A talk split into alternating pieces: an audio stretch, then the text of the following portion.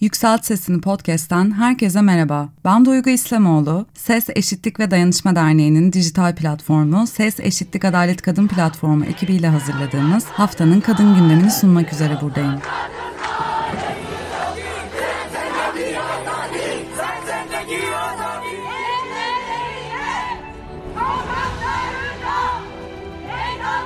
Bugün de her hafta olduğu gibi Türkiye ve dünya gündemini gözden geçirirken konuları feminist bir bakış açısıyla ele aldık. Eşitlikadaletkadın.org web sitemizde gündemin önemli başlıklarına yer verdik. Haftanın sonuna yaklaşırken bugünlerde en çok konuşulan başlıkları yine toplumsal cinsiyet perspektifiyle sunmaya çalışacağım. Yıllardır gözümüzün içine baka baka varlığını sürdüren devasa bir suç örgütünden ve Adnan Oktar'ın devlet ve sermayenin teşvikiyle göz göre göre yıllarca istismar ettiği kadınlardan bahsedeceğiz. Bu hafta 140 Curnoz'un YouTube'da yayınladığı Kedicik belgeseli şimdiden yaklaşık 3 milyon kişi tarafından izlendi ve bu korkunç örgütün kız çocuklarını ve kadınların ne şekilde istismar ettiğini detaylı bir şekilde öğrenmiş olduk. Bu çok konuşulan belgeselden aktarmak istediklerimiz var ve yine konuya feminist bir perspektiften yaklaşacağız.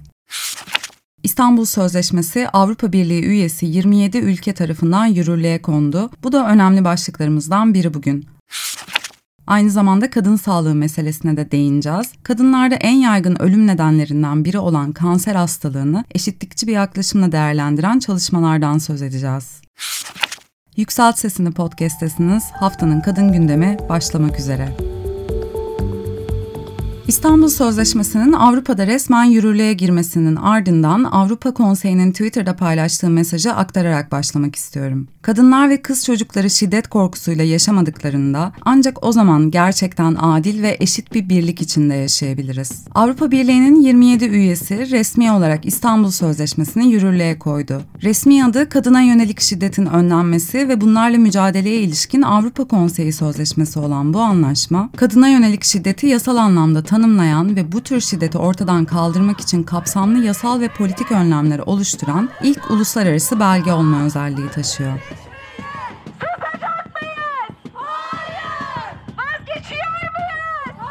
Bu adım toplumsal cinsiyet eşitsizlikleri, cinsiyet dengesizlikleri ve güç dinamiklerini dikkate alarak kadınları ve çocukları korumayı amaçlayan kapsamlı bir yaklaşımı benimsiyor. Anlaşmanın resmi olarak yürürlüğe girmesiyle artık Avrupa Birliği'nin tüm üye ülkeleri İstanbul Sözleşmesi'nde belirtilen önlemleri uygulamakla yükümlü olacaklar. Bu anlaşmanın yürürlüğe girmesi özellikle daha önce anlaşmayı reddeden Bulgaristan, Çek Cumhuriyeti, Macaristan, Letonya, Litvanya ve Slovakya gibi muhafazakar Avrupa Birliği ülkeleri için de geçerli olacak. Örneğin Macaristan ve Slovakya, LGBTİ artı haklarına ilişkin maddeler nedeniyle İstanbul Sözleşmesi'ni reddetmişlerdi. Ancak Avrupa Parlamentosu'nun Mayıs 2023'te aldığı kararla birlik genelinde sözleşmenin uygulanması onaylandı. Bu gelişme Türkiye için de özel bir önem taşıyor. Zira sözleşmenin ilk imzacılarından biri olan ve anlaşmaya ismini veren Türkiye, 20 Mart 2021 tarihinde bu sözleşmeden çekilmişti. İstanbul Sözleşmesi'ne karşı olan muhafazakar kesim, bunun Türkiye'nin aile yapısını bozmak amacıyla dış güçler tarafından dayatıldığı iddiasını öne sürmüştü.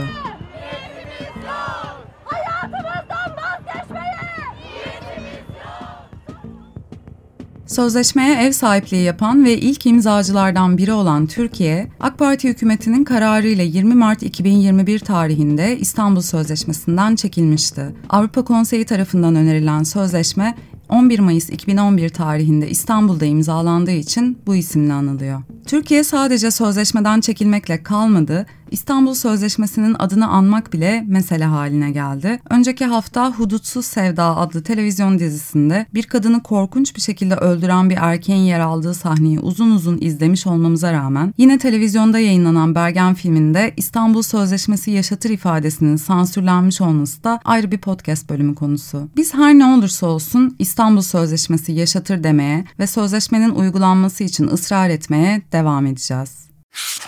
Yükselt Sesini podcast'te bu hafta 34. bölümümüzde beraberiz. Bu senenin başından beri her hafta burada buluşuyoruz ve her seferinde haftanın gündem haberlerini toplumsal cinsiyet bakış açısıyla ele alıyoruz. Bugün üzerinde konuşacağımız gündem haberleri arasında 5 günde 3 milyona yakın izlenen Kedicik belgeseli de var. Ama öncesinde kadın sağlığı ve kanser konusunda toplumsal cinsiyet perspektifinden düşündürecek bir haberimiz var. İki konuda feminist bakış açısıyla baktığımızda oldukça önemli noktalar barındırıyor. Dünya genelinde her yıl 800 bin kadın uygun bakımdan mahrum bırakıldıkları için ölüyor ve kanser hala kadınlarda en yaygın görülen 3 ölüm nedeninden biri. Uluslararası Tıp Dergisi Lancet'te yayınlanan rapora göre cinsiyet eşitsizliği ve ayrımcılık kadınların kanser risklerinden kaçınmasını da zorlaştırıyor. 185 ülkeyi kapsayan raporu hazırlayan sağlık uzmanları kansere feminist bir yaklaşım çağrısında bulunuyor. Raporda ataerkil toplumun kadınların kanser deneyimleri üzerindeki etkisi büyük ölçüde göz ardı ediliyor denmiş. Rapora göre toplumsal cinsiyet eşitsizlikleri kadınların kanser araştırmaları, uygulama ve politika oluşturma alanlarında lider olarak mesleki ilerlemelerini de engelliyor ve bu da kadın merkezli kanser önleme ve bakımındaki eksikliklerin sürmesine neden oluyor. Raporu hazırlayan Lancet Komisyonu cinsiyet eşitsizliğini ortadan kaldırmak için kanser tedavisinde yeni bir feminist yaklaşım çağrısında bulunmuş. Çalışmanın uzmanları dünyada kadın sağlığı denilince genellikle üreme ve anne sağlığına odaklanıldığını belirtiyor ve bunun kadınların toplumdaki değer ve rollerine ilişkin anti-feminist bir yaklaşımı körüklediğinin de altını çiziyor. BBC Türkçe'nin haberine göre 2020 yılında 50 yaşın altında kanser teşhisi konulan 3 milyon yetişkinin 3'te 2'si kadındı. Uluslararası Tıp Dergisi Lancet'te yayınlanan raporu hazırlayan komisyon, bu alanda toplumsal cinsiyet eşitsizliklerinin ortadan kaldırılması için şu tavsiyelerde bulunuyor. Diyor ki, cinsiyet ve toplumsal cinsiyet konusu kanserle ilgili tüm politikalara ve rehberlere dahil edilmeli. Kadınların kanser risk faktörleri ve semptomları konusunda farkındalığını artırmaya hedefleyen stratejiler belirlenmeli. Kanserin erken teşhisi ve tedavisine eşit erişimin sağlanması da feminist bir mesele olarak ele alınmalı. Bu haftanın en çok konuşulan ve içimizi kıyan konularından biri Adnan Oktar ve istismar ettiği kadınlar hakkında yapılmış olan bir saatlik kedicik belgeseli oldu. Adnan Oktar, örgüt yöneticiliği, cinsel istismar, eğitim hakkının engellenmesi, eziyet, kişiyi hürriyetinden yoksun kılmak, kişisel verilerin kaydedilmesi gibi suçlamalarla on binlerce yıl hapis cezasına çarptırılmış bir isim. 140 Cunos'un bu hafta yayınladığı ve 5 gün içerisinde 3 milyon kişiye ulaşan Kedicik belgeseli, Adnan Oktar tarikatını anlatırken en çok cinsel istismar suçuna odaklanıyor. Araştırmacı gazeteci Barış Terkoğlu, mağdur avukatı Eser Çömlekçioğlu ve dönemin Bakırköy Ruh ve Sinir Hastalıkları Psikiyatri Klinik Şefi Profesör Doktor Sefa Saygılı gibi isimlerin de görüşlerine yer verilmiş belgeselde. Adnan Oktar'ın adını yıllardır duyuyoruz ve korkunç suçlarla anılan bu isim, çok yakın bir zamana kadar televizyonlarda gördüğümüz, söylemlerini özgürce yaygınlaştıran bir konumdaydı. Hatta Oktar'ın çevresindeki ve televizyon programlarında görülen kadınlar şaka konusu oluyordu, gülüp geçiyorduk belki de. Belgesel Oktar'ın ve suç örgütünün yaptıklarını açıkça ortaya koyarken, özellikle etrafındaki kadınlara yönelik cinsel istismar suçlarını ön plana çıkarıyor. Daha da kötüsü, son derece sistematik çalışan bir istismar şebekesinin resmi olan veya olmayan birçok merciden destek alarak devletin de çeşitli organlarına sızarak ve etki altına alarak gerçekleştirdiği suçlardan haberdar oluyoruz. Kedicik belgeseliyle öğreniyoruz ki Adnan Oktar ve çevresindeki insanlar tarafından kandırılan, istismar edilen ve hayatları ellerinden alınan kadınların sömürülmesi yıllar boyunca gözlerimizin önünde devam ediyordu ve buna karşı koyabilecek, bu kadınları ve kız çocuklarını savunabilecek, kurtarabilecek bir sistem de yoktu.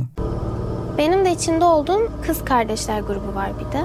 Bunlar örgütte istismar yoluyla bir şekilde dahil olup bacı adayı olarak yanda yedekte tutuluyordu. Bir de kardeşler grubu var. Yani kamuoyunda aslanlar olarak biliniyorlar. Bu arada bunların büyük bir kısmının birbirinden haberi bile yok. Çünkü örgüt hücre tipi bir yapılanmaya sahipti. Eski örgüt üyesi Özkan Mamati'nin de açıklamalarına şahit oluyoruz belgeselde. Bu da ilginç. Mamati'nin de aslında yıllardır bu sömürü sistemi içerisinde var olduğunu anlıyoruz. Ancak kendisi belgeselde bir şekilde Adnan Oktar suç örgütünün bir kurbanı olarak lanse ediliyor.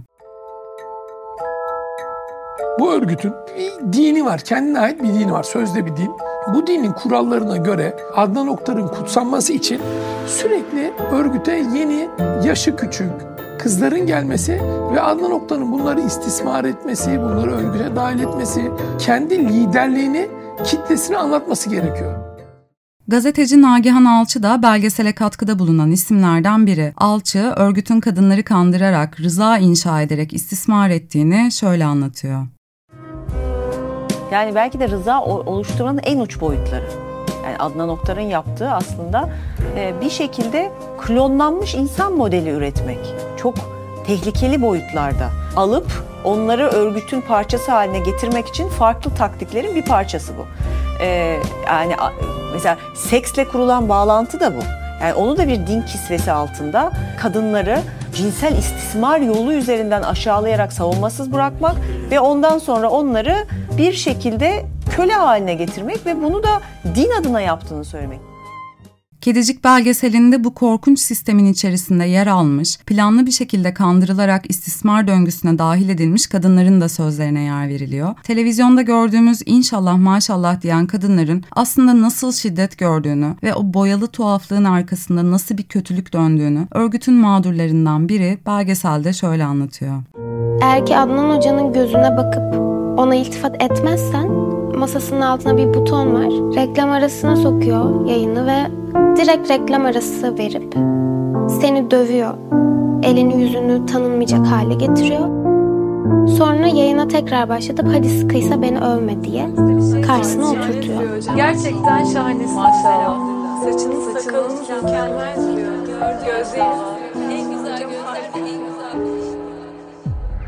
Bu örgütün 30 yıldan fazladır nasıl olur da bu kadar güçlendiğine, emniyet güçlerinden nasıl sıyrıldığına dair de ilginç bilgiler var belgeselde. Son operasyonda İçişleri Bakanlığı'nın devreden çıkarılarak doğrudan Cumhurbaşkanlığı yönlendirmesiyle yapılan çalışmaların Temmuz 2018'de nihayet sonuç verdiği anlatılıyor. Adnan Oktar işlediği çeşitli suçlar nedeniyle toplamda 10 bin küsür yıl hapis cezasına çarptırıldı. İstismar ettiği kadınlarsa nihayet üzerlerindeki baskının ve şiddetin sona ermesinin ardından yeniden hayata tutunmaya çalışıyor. 140 Curnos'un hazırladığı Kedicik belgeselinde dönemin İstanbul Emniyeti Mali Suçlarla Mücadele Şube Müdürü Furkan Sezer, uzun yıllar süren ve birçok kadının ve kız çocuğunun kabusuna dönüşen bu dev çirkinliği bitiren operasyonun yine mücadelesinden vazgeçmeyen kadınlar sayesinde başarılı olduğunun altını çiziyor. Kedicik belgeseli çok kısa sürede büyük ilgi topladı ve çok konuşuldu. Elbette bu önemli yapımla ilgili eleştiriler de gözümüze çarptı. Beş harflilerde yayınlanan Pınar Üzel Tüzenci'nin yazısında belgeselde örgütün suç mekanizması ile ilgili detaylı bilgileri veren Özkan Mamati'nin aklanmış bir isim gibi saygı görmesi, yıllardır gözümüzün önünde oynanan bu tiyatroya hepimizin kanmış olmasının normal gösterilmesi eleştiriliyor. Beş harflilerde yayınlanan yazısında Pınar Üzel Tüzenci şöyle anlatıyor.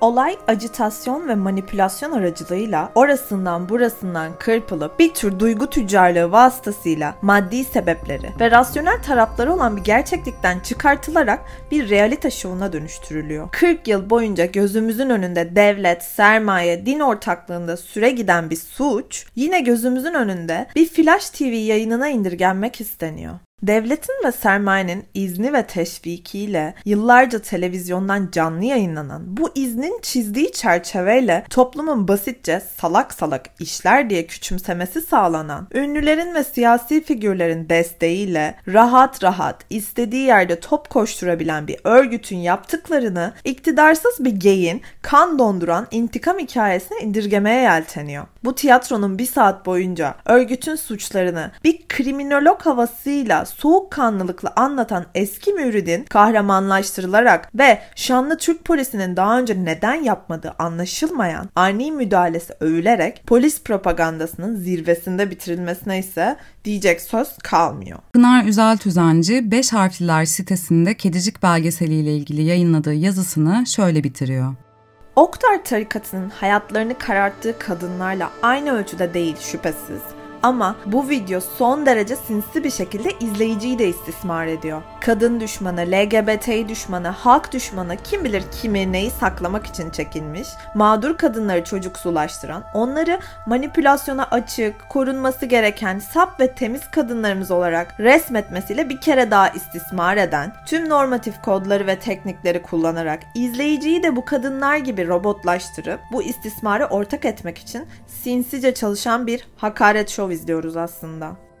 Beş harflilerde yayınlanan bu yazının linkini açıklama kısmında paylaşıyoruz. Dikkate değer bir eleştiri olarak göz atmak isteyebilirsiniz. Belgesel için yapılan dikkate değer eleştirilerden biri de Zeynep Akat tarafından yazıldı ve Biyanet'te yayınlandı. Bu yazıda da Zeynep Akat, belgesel Türkiye siyasi tarihinde oldukça önemli yere sahip tarikatlardan birinin bir kahramanlık ve seks hikayesi olarak nasıl parlatıldığının bir örneği diyor. Biz sizin görüşlerinizi de merak ediyoruz. Bu haftanın en çok konuşulan gündemlerinden biri Kedicik belgeseli oldu. Siz de açıklama kısmında paylaştığımız sosyal medya hesaplarımız üzerinden bize yorumlarınızı iletebilirsiniz. Özellikle Instagram hesabımızda buluşmayı çok isteriz. Buradaki içeriklerimize de göz atmayı ihmal etmeyin. Eşitlikadaletkadın.org web sitemizde kadın gündemine dair önemli başlıkları ve güncel haberlere feminist perspektiften yorumlarımızı paylaşmaya devam edeceğiz. Sosyal medya hesaplarımızda da güncel içerik akışımız aralıksız devam edecek. Yükselt Sesini Podcast'tan aktaracaklarımız bu haftalık bu kadar. Ben Duygu İslamoğlu. Haftaya Cuma yeni bölümümüzde yine haftanın kadın gündeminde buluşmak üzere. Hoşçakalın.